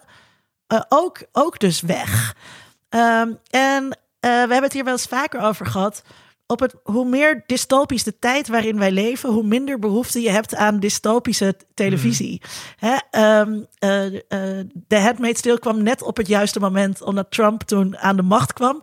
Maar toen Trump een tijdje aan de macht was, kon ik niet meer naar de Handmaid's Tale kijken en wou ik juist wat positievere televisie. en misschien is dat, misschien is dat dus hierbij ook wel. Dat Um, en sowieso het idee van dat soort uh, uh, ja, uh, technologische kritiek of mediakritiek, daar, daar, daar kwam ook veel meer van tussen, wat is het, 2011 en 2015. Hè, dat het overal was in één keer dat soort techniek, waardoor ja, we zijn daar ook gewoon nu genuanceerder over gaan denken, denk ik, ook als maatschappij, dat meer mensen zich bewust zijn van, van hoe sociale media en het internet ons leven is gaan beïnvloeden. En dat Black Mirror soort van net voor die curve zat. Ja, in ja, het dus, begin. dus je moet, je moet een nieuw medium altijd een plekje in het leven geven. En we moeten daar omgangsvormen voor bedenken en zo. En dat, en dat duurt gewoon even. En uh, toen ze begonnen, toen, toen, ging dat, ja, toen zaten ze inderdaad precies voor de curve. Uh, en daarna dacht ik, ja, dit is niet meer zo nodig. Dit is, ja, dit, dit, dit, weet, dit weet ik wel. Um, hm. Kunnen we, ja, want, want wat, het, het wordt, uh, Black Mirror is ontzettend geroemd als mediakritische serie of als technologische kritische serie. Mm -hmm. Wat bekritiseert Black Mirror dan precies? ik vind het eigenlijk allemaal wel meevallen. Ik vind het vooral dat mensen heel erg zeggen dat het gebeurt. En dat mensen bij elke situatie die zich voordoet, die ernstig is, of waar technologie bij komt kijken, zeggen: Oh, het is net Black Mirror. Terwijl ik dan denk: Ja, dit is gewoon de wereld. Het is. Black Mirror maakt gebruik van deze thema's, maar het is echt niet zo dat alles een waarschuwing is hoor. Dat we. ehm, want waarbij was het nou? Oh ja, bij- mensen zeggen dat zij dat serieus over de eerste lockdown. Waarom dit nou? Het lijkt wel alsof we in een Black Mirror aflevering zitten allemaal. Dan denk ik, nee, eigenlijk Nee. niet. Het lijkt er helemaal niet op. Op wat voor manier lijkt het op een Black Mirror aflevering? En dat, is, en dat hoor ik heel vaak op andere momenten ook. Dus als er bijvoorbeeld, nou, er is iets, iets met robots. Nou, net Black Mirror. Er is iets, ehm, ja, iets, een, een groot, ehm, ja, mondiaal iets. Ook altijd Black Mirror. Ehm, ja, ze kunnen in principe van alles wel zeggen dat alle grote ja, alles wat zowel met technologie als maatschappij te maken heeft, en soms met allebei maar een heel klein beetje, eh, wordt dat al bijgehaald. En dan denk ik, volgens mij was dat niet het idee van de serie. Ik denk wel dat de eerste twee seizoenen zijn, nou ja, toch ons een beetje willen, niet behoeden, maar ja, ik noemde het net belerend, en dat is wel een beetje waar, dat toch een beetje dat ehm, belerende erover zit van, eh, ja, let maar op, hè? Wat, eh, Het- het uit wat je allemaal... eh, huh? Ja, toch wel. Ehm, maar ik denk niet dat dat in de latere seizoenen... Want inderdaad, ik wist helemaal niet dat dat was 2016 was... dat het derde seizoen kwam. Maar ja, als het echt 2016 was... Ik heb ook niet het idee dat een aflevering als Nosedive... die je net noemde, was... speciaal bedoeld was om ons te waarschuwen voor het systeem... van het likes uitdelen. Ik denk meer dat het gewoon een soort van tragisch verhaal was... gebaseerd op sociale media. Maar Ja, dat denk ik. Ik denk dat het. eh, eh, kijk, wat, wat, wat Black Mirror, eh, Black Mirror maakt, is eh, ten eerste natuurlijk die, die, die titel, hè, de verwijzing naar dat scherm eh, ehm, eh, van je telefoon of je, of je iPad of wat het dan ook mag zijn. Ehm, waardoor het al in die context van technologie wordt geplaatst en een bepaalde opvatting over technologie. Want het is. het zegt iets, Black Mirror. Dat is niet zomaar een, een willekeurig gekozen titel. En het tweede is dat ook eh, het concept van de serie wel natuurlijk consistent wordt uitgevoerd. Het gaat altijd over technologie. En natuurlijk eh, kan het eh, vervolgens een, een verhaal zijn over liefde of, of wat dan ook. Maar het, het centrale thema is wel iets wat met technologie te maken heeft. Dat maakt het ook wel anders dan bijvoorbeeld de Twilight Zone of, of Outer Limits, waarbij ehm, ja, het science fiction is, of horror of fantasy. Maar in ieder geval, het kan alles zijn. Het kan allerlei soorten verhalen zijn. Maar bij Black Mirror zal er dus altijd een connectie met eh, technologie zijn. En dat maakt dan denk ik ook automatisch dat je al het, eh, eh, in ieder geval het gevoel hebt dat het een soort kritiek is op onze maatschappij of een kritiek is op, op technologie, omdat het per definitie daarover over gaat. En ik denk ook dat er wel wat afleveringen zijn die je zo kunt, kunt opvatten. Ik denk dat de meeste afleveringen misschien ook zo bedoeld zijn. Of het allemaal even goed eh, werkt, is een andere vraag. Maar er zijn wel, denk ik, afleveringen die duidelijk zo, Ding, ding, zo ding, ding, ding, ding, ding, ding, ding. De je auteur is dood, alarm. Ja, precies. Ik wou hem niet zeggen. maar ik denk dat... eh, dat, Maar dat, je- maar dat, en ja. Sydney, dit is een hele obvious one. Omdat het, eh, los van of het zo bedoeld is, wat geen Ja. interessante vraag is, wordt het zo opgevat. Dus Ja, precies. ehm, eh, voor heel veel mensen, en dat is wat Lennon ook zegt, die refereren aan Black Mirror. Misschien zelfs ook wel zonder Black Mirror te hebben gezien. Hè, de parallel met 1984. eh, Ja, eh, precies, Lennon- zeker. We hebben net Ja. een aflevering over 1984 gemaakt... waar iedereen ook voortdurend aan naar verwijst... zonder dat dat nou precies eh, is misschien waar 1984 over gaat. Is dat Ja. natuurlijk wel mensen... Mensen zetten Black Mirror op die manier in... als me- media- en technologiekritiek. Ja. Ja, ik, ik vind ook wel dat er zijn ook echt wel afleveringen die niet technologie kritisch zijn. En die veel meer geïnteresseerd zijn in eh, eh, dat- bekijken hoe, technologie eh, onze persoonlijke levens beïnvloedt, hoe onze romantische relaties beïnvloedt. zonder per se kritisch te zijn. Dus San Junipero en Striking Vipers gaan allebei over homoseksuele relaties. Maar niet ehm, over hoe slecht technologie is. Het, Nee, het zijn relaties die, die gemedieerd worden uh, door ja, een bepaalde technologie nou- en mogelijk gemaakt worden door de technologie op een bepaalde San- manier, maar niet. San Junipero ja. laat je wel nadenken over, is het wenselijk? Weet je, wil Ja. je je hele leven lang blijven rondlopen in San Junipero? Terwijl eh, Striking Vipers, eh, dat is die aflevering waarin eh, twee bros eh, aan het gamen zijn. En dan eh, eh, eh, in de game eh, gaan ze seks met elkaar hebben. En dat blijken ze heel erg lekker te vinden. En daar, daar is de vraag die inderdaad opgeroepen wordt: is het gay? Eh, eh, als je, eh, eh, en dat is helemaal geen, geen mediatechnologische vraag. Nee. Het is wel en ernstig dat heel vaak de vraag wel best wel een maatschappijkritisch iets is. En dat in deze inderdaad de vraag een soort van blijft, ja, is het gay? Want uiteindelijk, waar het op uitkomt, is ook gewoon van, nou, eh, ja, misschien moeten we dit niet zo vaak meer doen, maar oké, het kan wel. Dat, dat is het hele verhaal. Er is geen, eh, dat is het ook. Wat erg, ja. ik, vond, ik vond die aflevering trouwens wel. ehm, eh, ja, ze moeten echt heel. Aan het begin moet heel duidelijk geworden. Maar gemaakt worden dat ze hetero's zijn, dat ze bros zijn. Het is echt. Die heteroseksualiteit werd mijn gezicht inges, ingegooid, ingeschoten. Ja. En, en dus ik kon daarna ook helemaal niet meer genieten van dat het gay is. Het is gay. Eh, Natuurlijk is het gay, doe normaal. Ja. ja. En, en, maar daar kon ik dus niet meer van genieten, omdat ik zeg maar helemaal, helemaal een boekake had gekregen van heteroseksualiteit eerst. Ik vond het wel jammer ook aan die aflevering, omdat je dus met dit concept van eh, eh, met VR, relaties, ook omdat een van die mannen eh, heeft als avatar een vrouw. Hier kan je interessante dingen mee doen met, met eh, seksuele identiteit en, en, en eh, genderidentiteiten en hoe online platforms je in staat stellen daarmee te experimenteren op een manier. En ook eh, raciale representatie, hè? Het is Ja, heel ook bijzonder dat, ja. ook dat, ze, dat, het een, dat, het, dat, het, dat hij een Aziatische man als avatar heeft. Hmm. eh, eh, eh, en niet een zwarte man. Ja, Ehm, ja dus, dus, dus daar had een interessant verhaal misschien in gezeten. En dat zit er niet. Nee. Maar ik denk dat dat Ja, komt doordat hij inderdaad.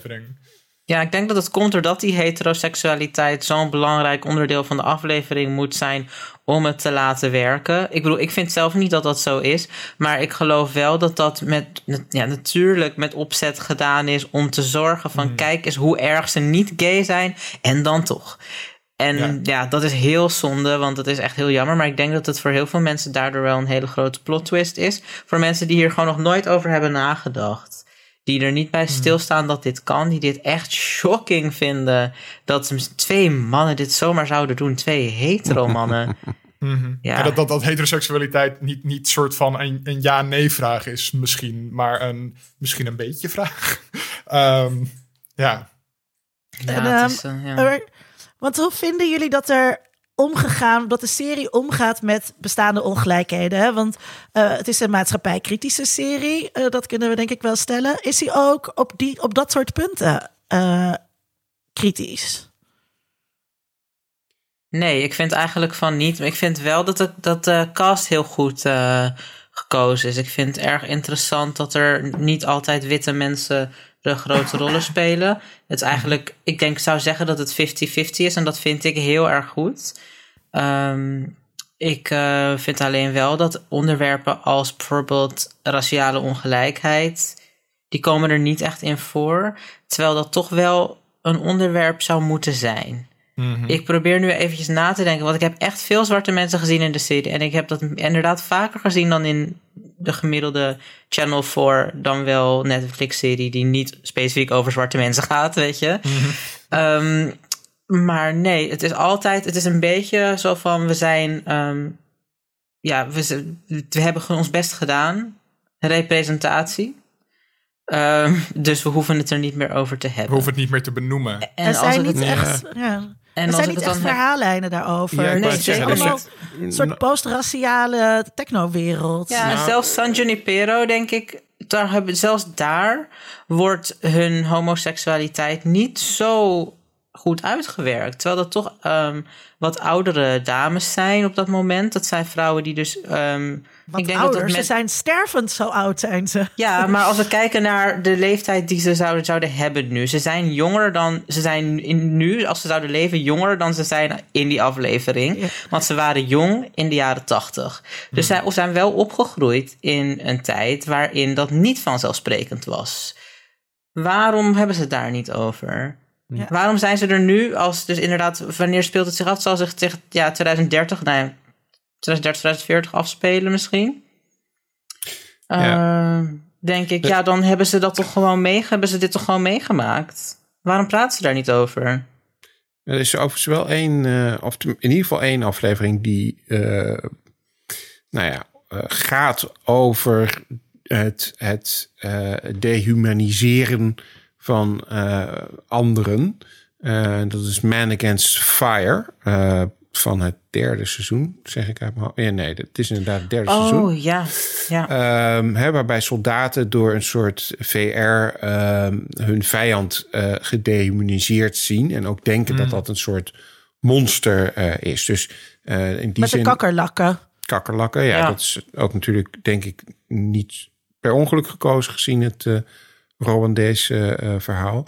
Ehm, dus daar, is, daar zit wel iets in van eh, eh, ja, wat, wat het dehu- dehumaniseren van mensen of het neerzetten van een ander als de ander, de gevaarlijke ander, eh, waar dat toe kan leiden. Dus het is niet zo dat ze het helemaal niet doen.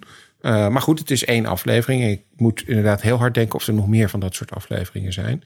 En een aflevering overigens gemaakt door een Belg, eh, Jacob Verbrugge.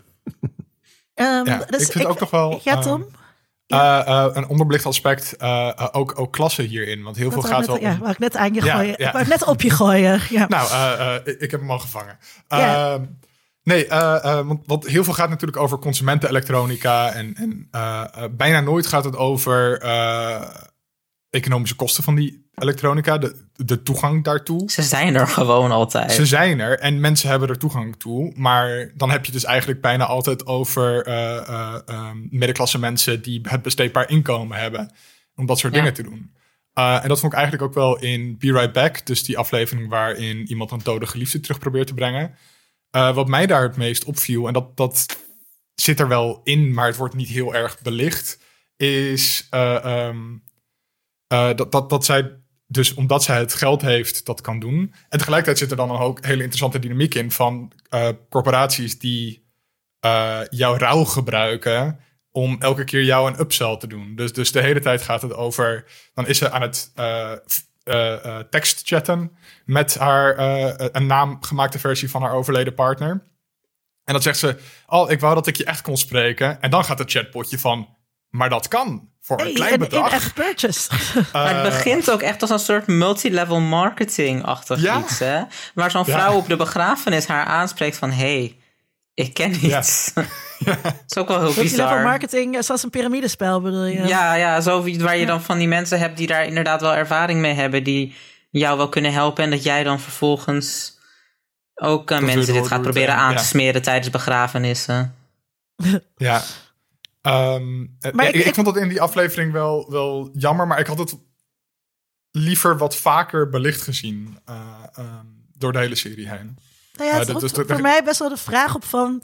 eh, kijk, je wordt als kijker uitgenodigd om dus een bepaalde kritische positie in te nemen... en over andere dingen dus minder kritisch te zijn.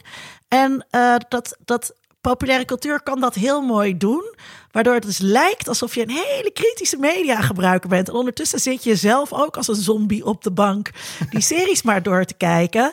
En je niet vragen te stellen over onderwerpen en thema's waar je je vragen over zou kunnen stellen. Black Dus- Mirror kijken was zelf de dystopie. Da, da, da. Nou ja, Ja, dus- dat dus- was het al die tijd. Dus hè, wiens, wiens mediakritiek is dit, is dit nou eigenlijk? Of wiens technologie eh, eh, kritiek?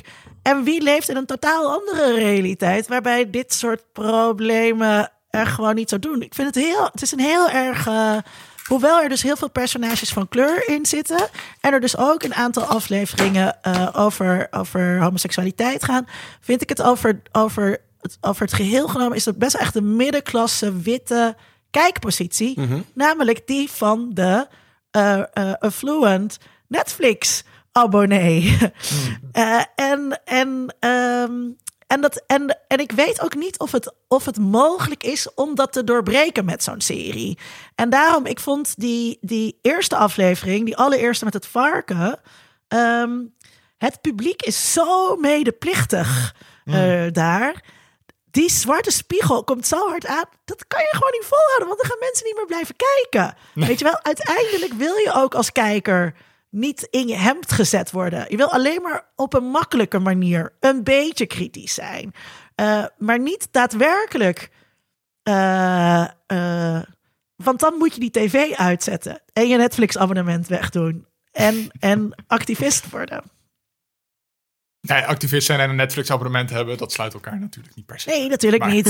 Ze hebben allemaal een iPhone. Dat kan natuurlijk wel. Maar, maar, dus, maar dat is natuurlijk, dat kan nooit. Dat kan dus wel. Eh, eh, ehm, ehm, makers kunnen natuurlijk heel activistisch zijn als ze zo'n serie, als ze eraan beginnen. eh, eh, en voordat ze het verkopen. Maar op een gegeven moment moet je meedraaien in het mediaproductiesysteem. Eh, en kan je dus niet alleen maar afleveringen maken die echt de kijker die zwarte spiegel voorhouden. eh, eh, en hen dingen wil laten veranderen. Nou, ja, daar ben ik het niet helemaal mee eens. De, ten eerste... Dat komt omdat je D66er bent. Nee, dat... Het komt omdat ik denk ik de serie misschien iets beter gekeken heb. Ehm, eh, als je namelijk kijkt naar eh, hoe de serie eh, begint en hoe die later wordt als die naar Netflix gaat. De reden dat hij naar Netflix gaat en de reden dat ze bij Netflix terecht kunnen is omdat de serie een bepaalde reputatie heeft opgebouwd, een bepaalde kwaliteit heeft opgebouwd. En dat maakt ook dat ze als makers gelukkig een zekere meer vrijheid hebben dan een gemiddelde eh, nieuwe maker die op Netflix iets komt, eh, komt maken. En dat betekent dus dat het tot op zekere hoogte gewoon een keuze van de makers is om bepaalde dingen wel of niet eh, te doen.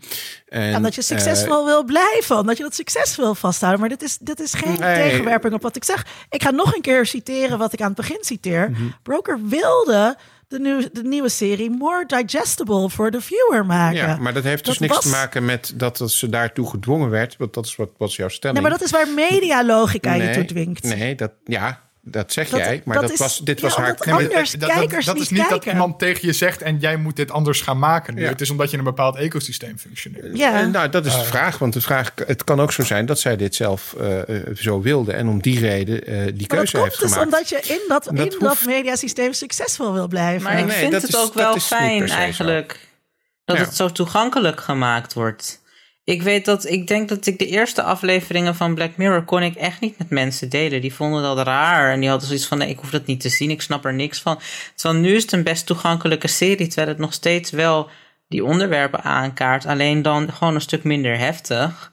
Eh, soms nog wel hoor. Ik vind soms echt eh, dat Ja. er afleveringen tussen zitten waarvan ik denk, wow, dat, dat raakt me. En daar vond ik Shut Up and Dance van die... ehm, Precies, precies. inderdaad van die jongen die eh, zo belaagd wordt door de, de, de hackers, zeg maar. Mhm. Vond ik een heel goed voorbeeld van.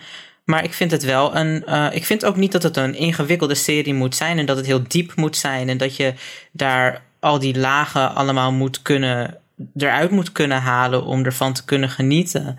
Mhm. Ik denk dat het ehm, best af en toe gewoon wat luchtiger mag en dat het dan nog steeds gewoon een hele goede serie kan zijn. Zonder dat het Ja, ja, de natuurlijk. zwaarte heeft van een aantal van de eerdere afleveringen. Maar dat is ook, Dus dat is ook niet wat ik Ja. zeg. hè. Dus je kan prima dat, kijk, dat kijkplezier hebben. Wat niet kan, is eh, voor zo'n serie, ik zeg nog een keer, om de, om de kijker dus eh, voortdurend te confronteren met zijn eigen, medeplicht, met zijn eigen medeplichtigheid. Ja, Ja, maar dus dat, dat- eh, blijven ze dus wel doen. Want Dat, nou, zijn- laten we even zijn- zitten. Dat, en dat, zegt dus, dat betekent niets over eh, of die serie niet goed is. Of dat eh, eh, toegankelijkheid eh, eh, nou per se verkeerd is. Dat kan allemaal tegelijkertijd bestaan. Mm, Ja, maar ik vind een beetje, nogmaals een beetje een rare tegenstelling om te zeggen dat dat dan opeens op het moment dat ze naar Netflix gaan, eh, dat het dan niet meer confronterend zou zijn of zo. Want dat is het nog steeds wel. Er zitten genoeg afleveringen bij die wel confronterend zijn. En nogmaals, ik denk dat ze dat hebben kunnen doen omdat ze eh, door Netflix aangezocht zijn vanwege datgene wat ze al maakten. En het is niet zo dat Netflix in de is- juiste het is- dosis. Nee, dat ben ik helemaal niet met je eens. Dat vind ik echt Nou veel ja, te makkelijk. dat, nee, eh, dat mag. ja, Ehm, dat, klopt. Hoe- wat jij daarover zegt is te makkelijk. Want eh, je doet net alsof, omdat het Netflix is, het dus wel eh, fout moet zijn. En dat is niet zo. Nee, want Nee, maar dat deze zeg mensen- helemaal niet. zeg ik Dat helemaal echt niet. Jawel, Dat, nee, Wat- oké. wat- maar wat je zegt is dat het- Luister de aflevering straks nog een keertje terug. En dan kan je luisteren dat wat ik, ik gelijk gezegd heb en jij niet. Ja. Dan kan je jezelf alsnog gelijk geven. Maar dan kan je horen dat wat jij mij in mijn mond probeert te leggen... niet is wat ik zeg. Oké, door naar het volgende. Door naar het volgende. Hoe ehm, blijvend is dit, eh, denken jullie? Dus als we dit gaan plaatsen in, eh, in, eh, in de, de- belangrijke televisie ehm, eh, of belangrijke kritiek. Hoe blijvend is ja? Is dit, kijken we hier over twintig jaar? Hoe kijken we hier over twintig jaar, denken jullie, naar terug? Ik denk dat het wel blijvend kan zijn. Ik denk niet dat deze serie voor altijd gemaakt zal worden. Dat we dit na een tijdje wel gezien hebben. Maar ik noemde net al een voorbeeld. Waarom, ik weet niet meer waarbij. Ah ja, toen ik het had over Be Right Back, dacht ik aan de Stepford Wives. En dat is iets wat, ehm, nou, hoewel het een beetje gedateerd is.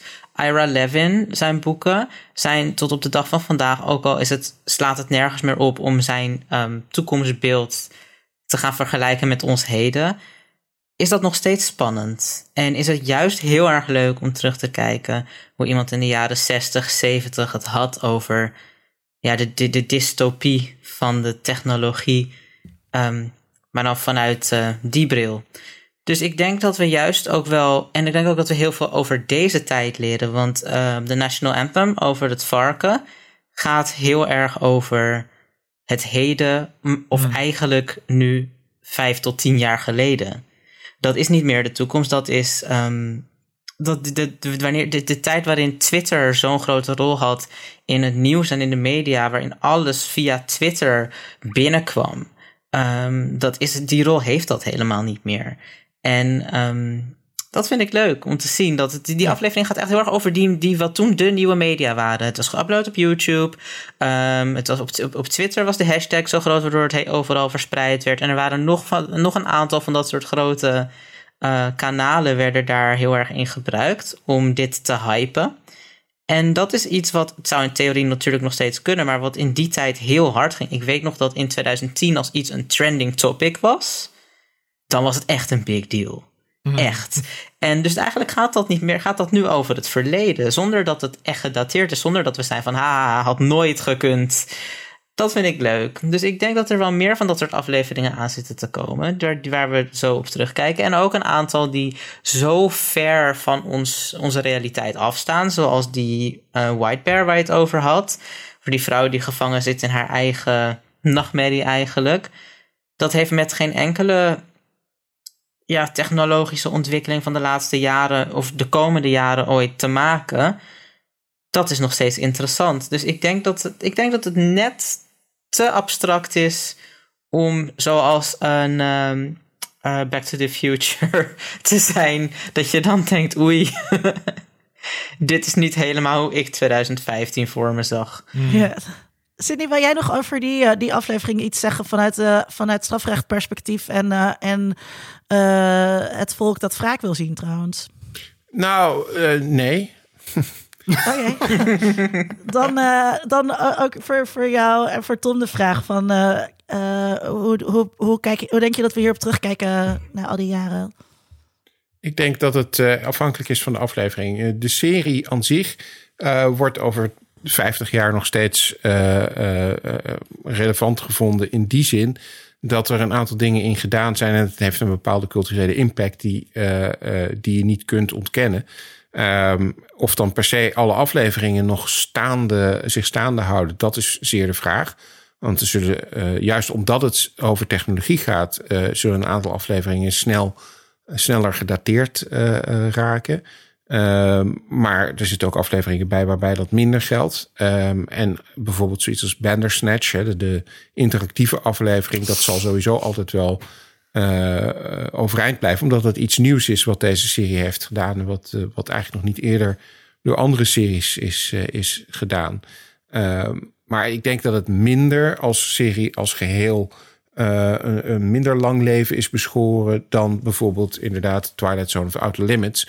Omdat die verhalen niet zo ehm, in hun. Die, zij, die, die, die zijn natuurlijk wel heel erg in hun tijd geplaatst. Want je kunt aan die verhalen zien dat ze op een bepaald moment zijn gemaakt. De thematiek heeft iets te maken met het moment waarop ze gemaakt zijn.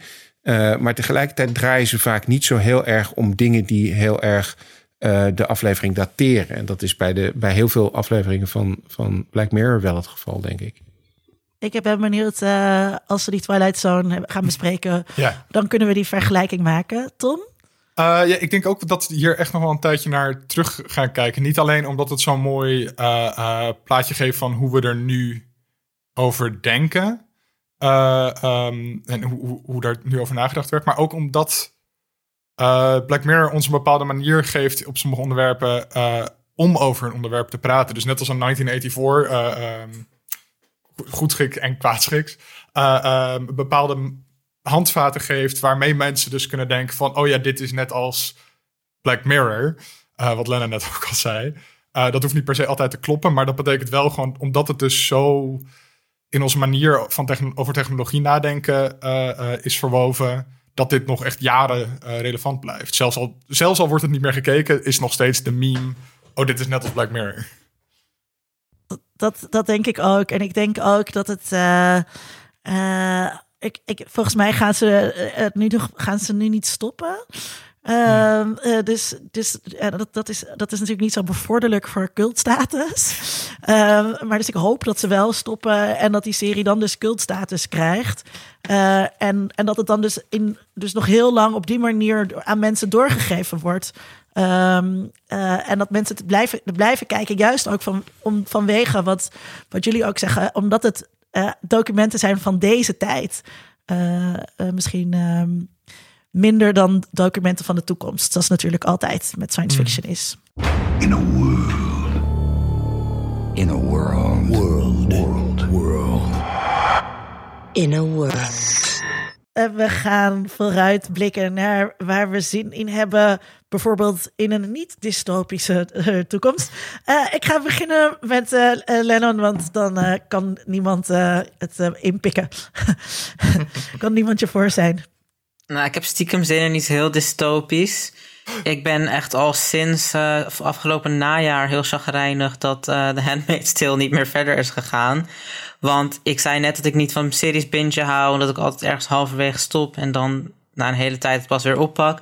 Maar The Handmaid's Tale is de enige die ik echt in één keer heb gekeken. Ik vond dat zo ja. uh, fascinerend. Terwijl ik het niet eens een heel goede serie vond. Maar ik wil dat gewoon heel graag zien.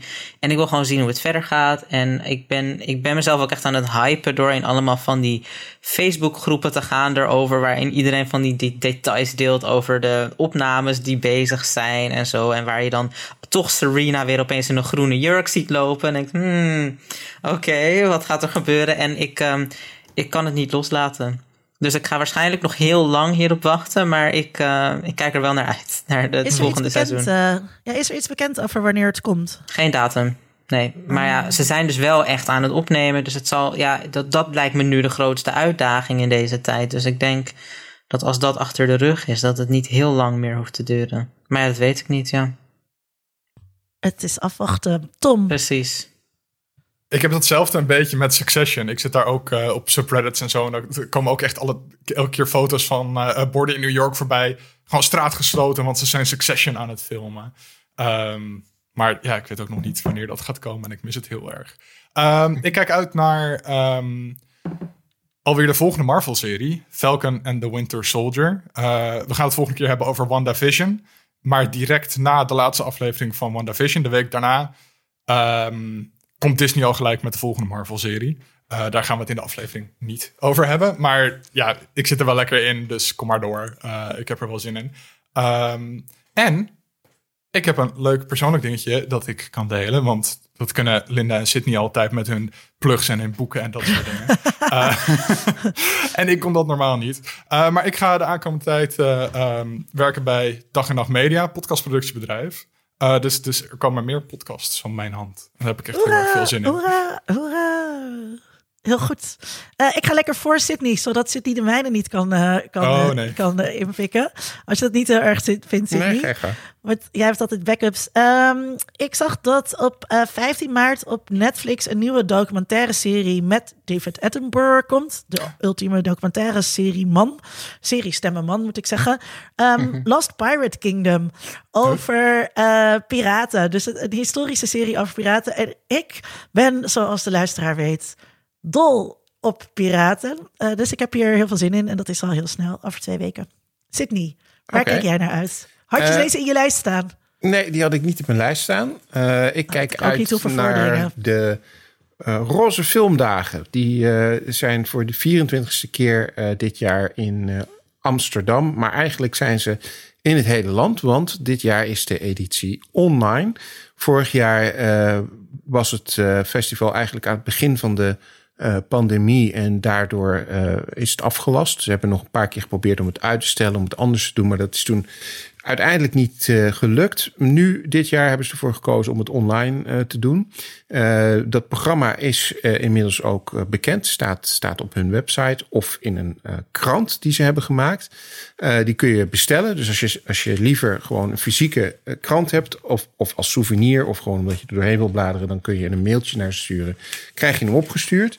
En ehm, die programmering die ze hebben, die is van 11 tot en met 21 maart. 10 dagen. En eh, ze hebben iedere dag een aantal films, eh, korte Sydney filmprogramma's. zit nu door het fysieke Ja, programma heen het, te eh, bladeren. Bla, blaadje heb ik hier. Ehm, en het is echt, eh, want ik, ik vroeg me af hoe ze dat gingen doen. Ja, hier heb ik het. Eh, of ze dan, eh, nou ja, zo'n film, dat je die dan gewoon op ieder moment kan kijken als je wil. Maar dat is niet zo. Het is echt gewoon een programma. Dus je hebt een, ik, ik laat het geval niet nu even aan de camera zien. Wacht even, Sydney, dan maak ik even een foto. Dus, wat je, Ja. wat, dus, dus ze hebben echt een programma waarop iedere dag eh, een aantal dingen te zien zijn. Een aantal films en, en, en programma's te zien zijn. Ehm, en soms ook op dezelfde tijd. Dus je moet, eh, moet echt het programma een beetje eh, ja, gaan puzzelen. Zoals je dat normaal op een festival ook doet. Eh, zodat je de dingen kunt zien die je wilt zien. Ehm, en je kunt online gewoon kaartjes bestellen. Dan krijg je een, een link. Ik neem aan dat dat een, een, een link is die je niet zomaar kunt, kunt delen. Maar je kunt in ieder geval dan thuis het programma van de Roze Filmdagen eh, kijken. Tien dagen lang. Cool. Leuk. Eh, dat was het, Sydney. Dat was het. Oh, je hebt maar één ding. Maar één ding. Ah, Ja. Nou, Sydney. Eh, Oké, ja, nou ja, dat, dan moet ik even meteen weer terugvallen eh, eh, in mijn eh, rol. Ehm, deze podcast is gratis, maar hem maken kost wel geld. Wil je je waardering laten bereiken met monies?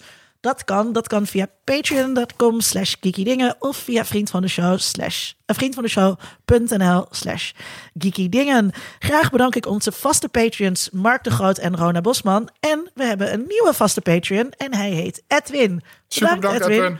We Dankjewel. love you. Ehm, wil je je waardering laten blijken, maar wil je dat zonder monies doen? Like ons dan of, eh, en of raad ons aan. Bijvoorbeeld bij iemand waarmee je op Clubhouse aan het praten bent. Echt heel stom. Oké.